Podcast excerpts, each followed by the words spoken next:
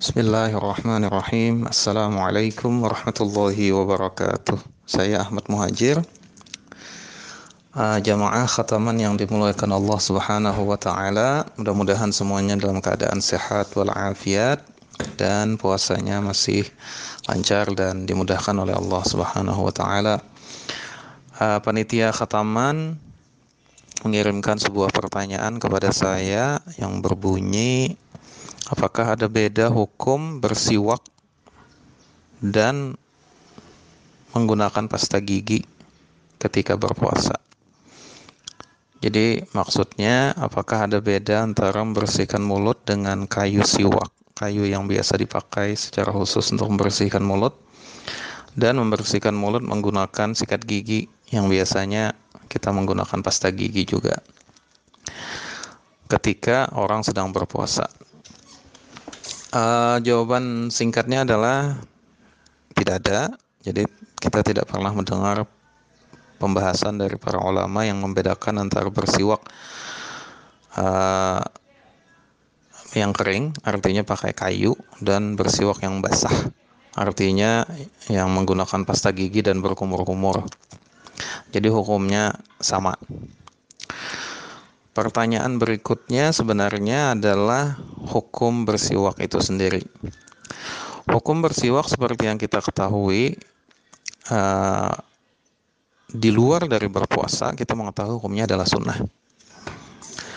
Jadi uh, dua hadis Nabi Shallallahu Alaihi Wasallam yang sering dikutip ketika membahas masalah ini adalah laula an asyqa ala ummati la amartuhum bisiwaki inda kulli wudu'in seandainya aku tidak memikirkan kesulitan umatku wajar Nabi Muhammad sallallahu alaihi wasallam Niscaya aku akan perintahkan mereka untuk bersiwak setiap kali berwudu.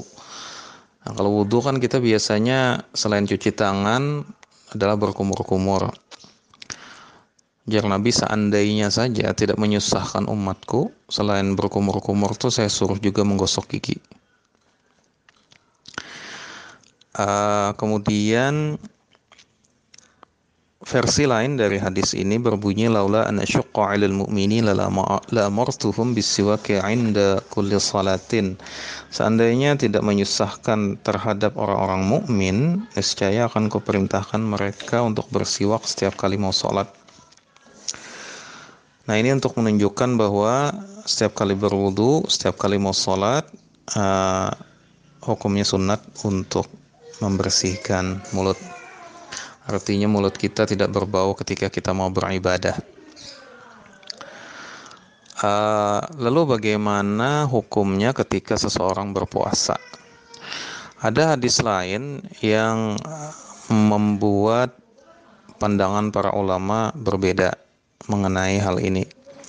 Ada hadis lain yang cukup terkenal di kalangan umat Islam juga yang maknanya bau mulut orang yang berpuasa pada hari kiamat lebih harum bagi Allah ketimbang minyak harum misik.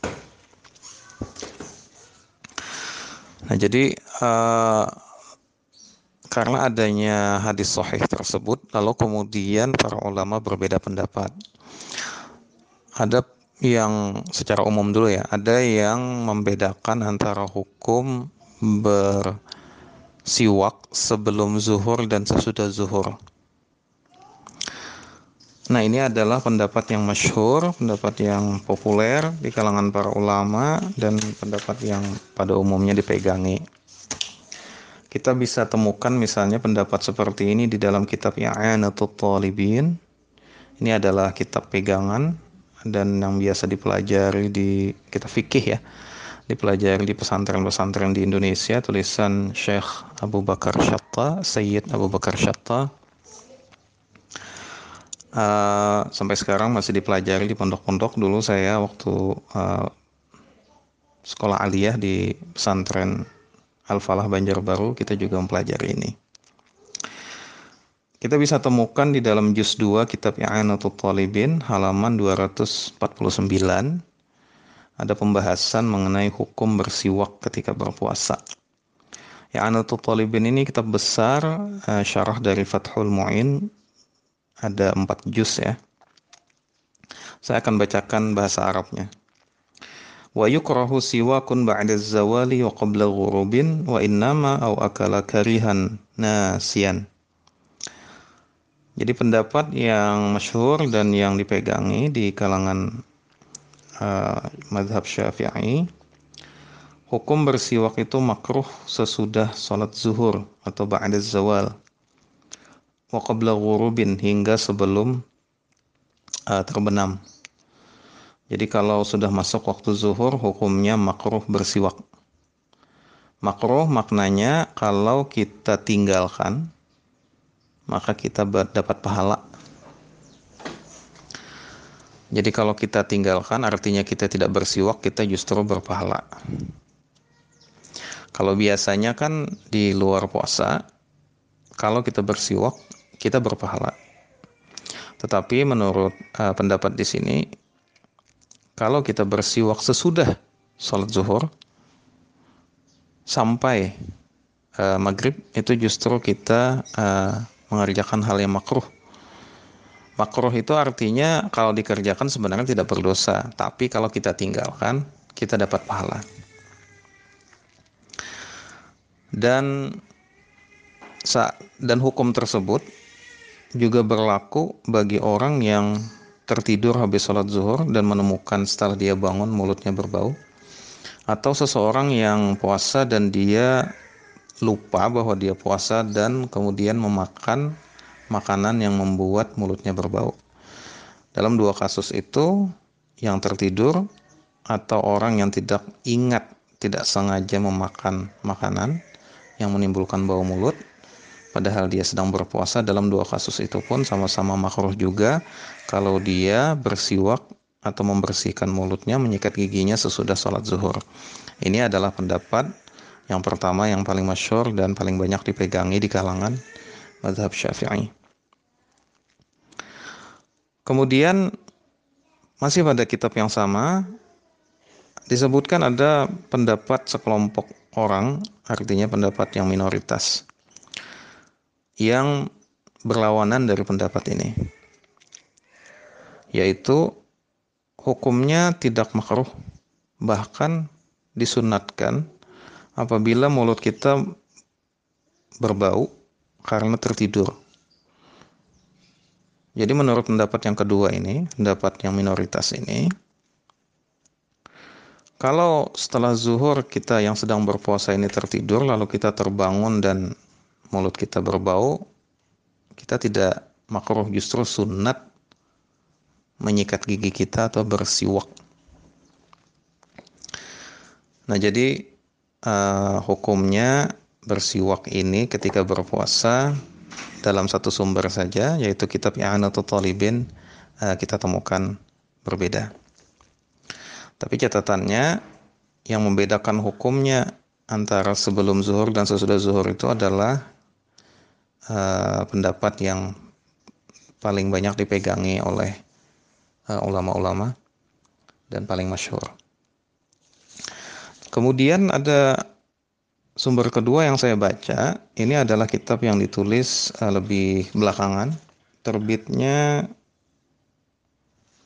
tahun 2007 ditulis oleh Faisal bin Ali Al-Bu'adani terbitan Riyadh Mekah jadi buku ini berjudul Hakadha kana Nabi sallallahu alaihi wasallam fi Ramadan.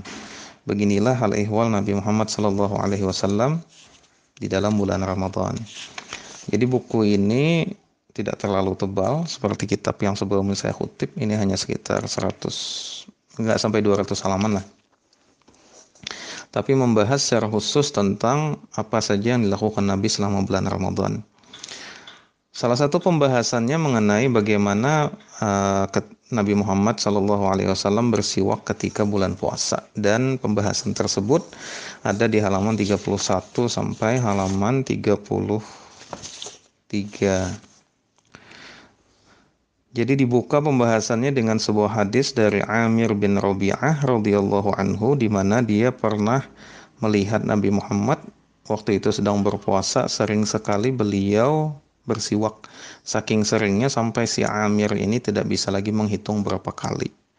Jadi kalimatnya dalam bahasa Arab Ruwiya an Amir ibn Rabi'ah radhiyallahu anhu qala ra'aitu an-nabiy sallallahu alaihi wasallam la uhsi yatawassak wa huwa sha'im. Justru di sini diceritakan bahwa Nabi sering sekali membersihkan mulutnya ketika beliau berpuasa. Kalau kita baca lagi uh, pembahasan di dalam buku ini, kita akan melihat bahwa penulisnya Faisal bin Ali Al-Bu'dani cenderung membolehkan atau tidak membedakan hukum bersiwak antara sebelum zuhur dan sesudah zuhur.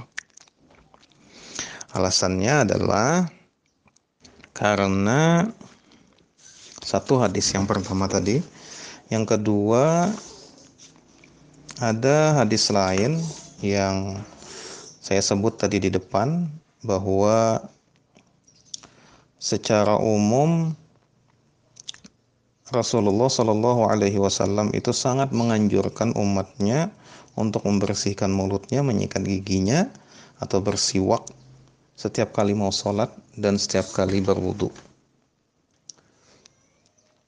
Dan menurut beliau kan sholat itu waktunya se 24 jam ini banyak sekali kan. Jadi yang wajib saja sholat wajib lima kali sehari semalam. Itu belum sholat sunatnya. Ada sholat sunat duha, ada sholat sunat qobliyah ba'diyah, sebelum dan sesudah sholat wajib. Ah, ada sholat tahajud, ada sholat witir, ada sholat tasbih, ada sholat hajat, ada sholat taubat, yang mana itu semua uh, waktunya itu banyak. Dan uh, kesunatan bersiwak itu berlaku setiap kali mau melaksanakan segala sholat itu baik yang wajib ataupun sunnah serta ketika uh, seseorang berwudu. Berdasarkan pemahaman atas hadis tersebut, maka ujar si penulis tidak seharusnya dibedakan hukum bersiwak itu sebelum zuhur dan sesudah zuhur. Kemudian beliau mengutip Imam Bukhari yang mengatakan walam yukhassus shaimu min ghairih. Jadi hukum bersiwak ini tidak dikhususkan bagi orang-orang yang berpuasa. Artinya kalau sunat ya sunat gitu, tidak ada pengkhususan bagi orang yang berpuasa. Kemudian Faisal bin Ali juga mengutip Ibnu Khuzaimah yang mengatakan bahwa sesungguhnya di dalam hadis-hadis tersebut dapat ditarik sebuah dalil bahwa bersiwak itu ada fadilatnya. Setiap kali mau sholat baik itu untuk orang yang berpuasa ataupun yang tidak berpuasa. Jadi saya bacakan kutipannya dulu ya. Qala al-Bukhari walam yukhassus shaimu min ghairi itu kutipan dari Imam al-Bukhari. Kemudian yang dari Ibnu Khuzaimah fa fiha dilalatun ala anna siwaka lis-shaimi 'inda kulli salatin fadilatun kahuwa lil muftir.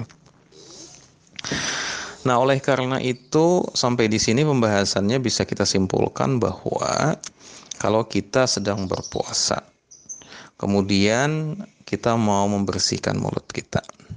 Kita mau menyikat gigi kita. Kita mau bersiwak. Kalau kita mau ikut pendapat yang di dalam kitab I'anatul Talibin yang saya bilang masyhur dan mu'tamad yang diikuti oleh kebanyakan para ulama, maka kita menyikat giginya itu dari pagi sampai zuhur saja. Sesudah itu kita diharapkan tidak bersiwak atau tidak menyikat gigi. Dengan begitu kita akan memperoleh pahala. Ya, karena kita meninggalkan hal yang makruh sehingga kita berpahala. Nah, kalau kita mau ikut pendapat yang kedua masih di dalam kitab I'anatul Talibin yang merupakan pendapat yang kedua ini merupakan pendapat yang eh, minoritas tetapi ada ulama yang berpendapat seperti itu bahwa kalau kita habis zuhur lalu kita tertidur dan habis bangun tidur kita merasa mulut kita bau dan ingin kita sikat. Nah, kita justru sunat melakukan itu.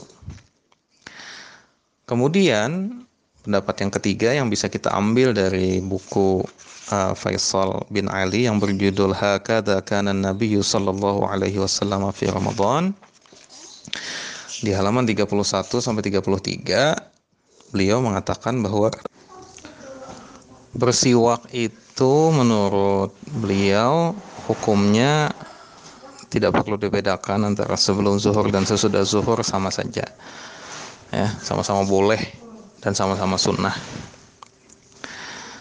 Uh, demikian uh, kesimpulannya dan untuk menutup penjelasan saya, saya akan kutipkan satu kalimat lagi yang langsung berhubungan dengan pertanyaan yang disampaikan kepada saya. Walam ya'ti nassun sahihun fi tafriqihi sallallahu alaihi wasallam baina yabisis siwaki wa rutubihi.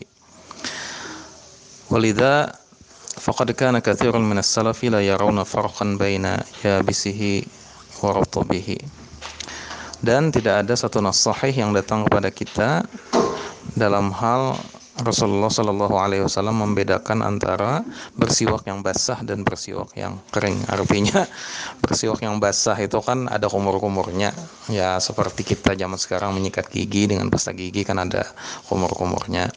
Ataupun bersiwak yang uh, hanya menggunakan kayu siwak dan tidak berkumur-kumur. Jadi sama-sama hukumnya, tidak ada bedanya. Hanya saja perlu kita ingat bahwa kadang-kadang karena pasta gigi itu ada rasa manis, pastikan betul-betul berkumur-kumur sehingga tidak ada rasa manis yang masuk ke dalam tenggorokan kita. Ya. Demikian mudah-mudahan uh, uh, ada manfaatnya. Wallahu alam bisawab. Assalamualaikum warahmatullahi wabarakatuh.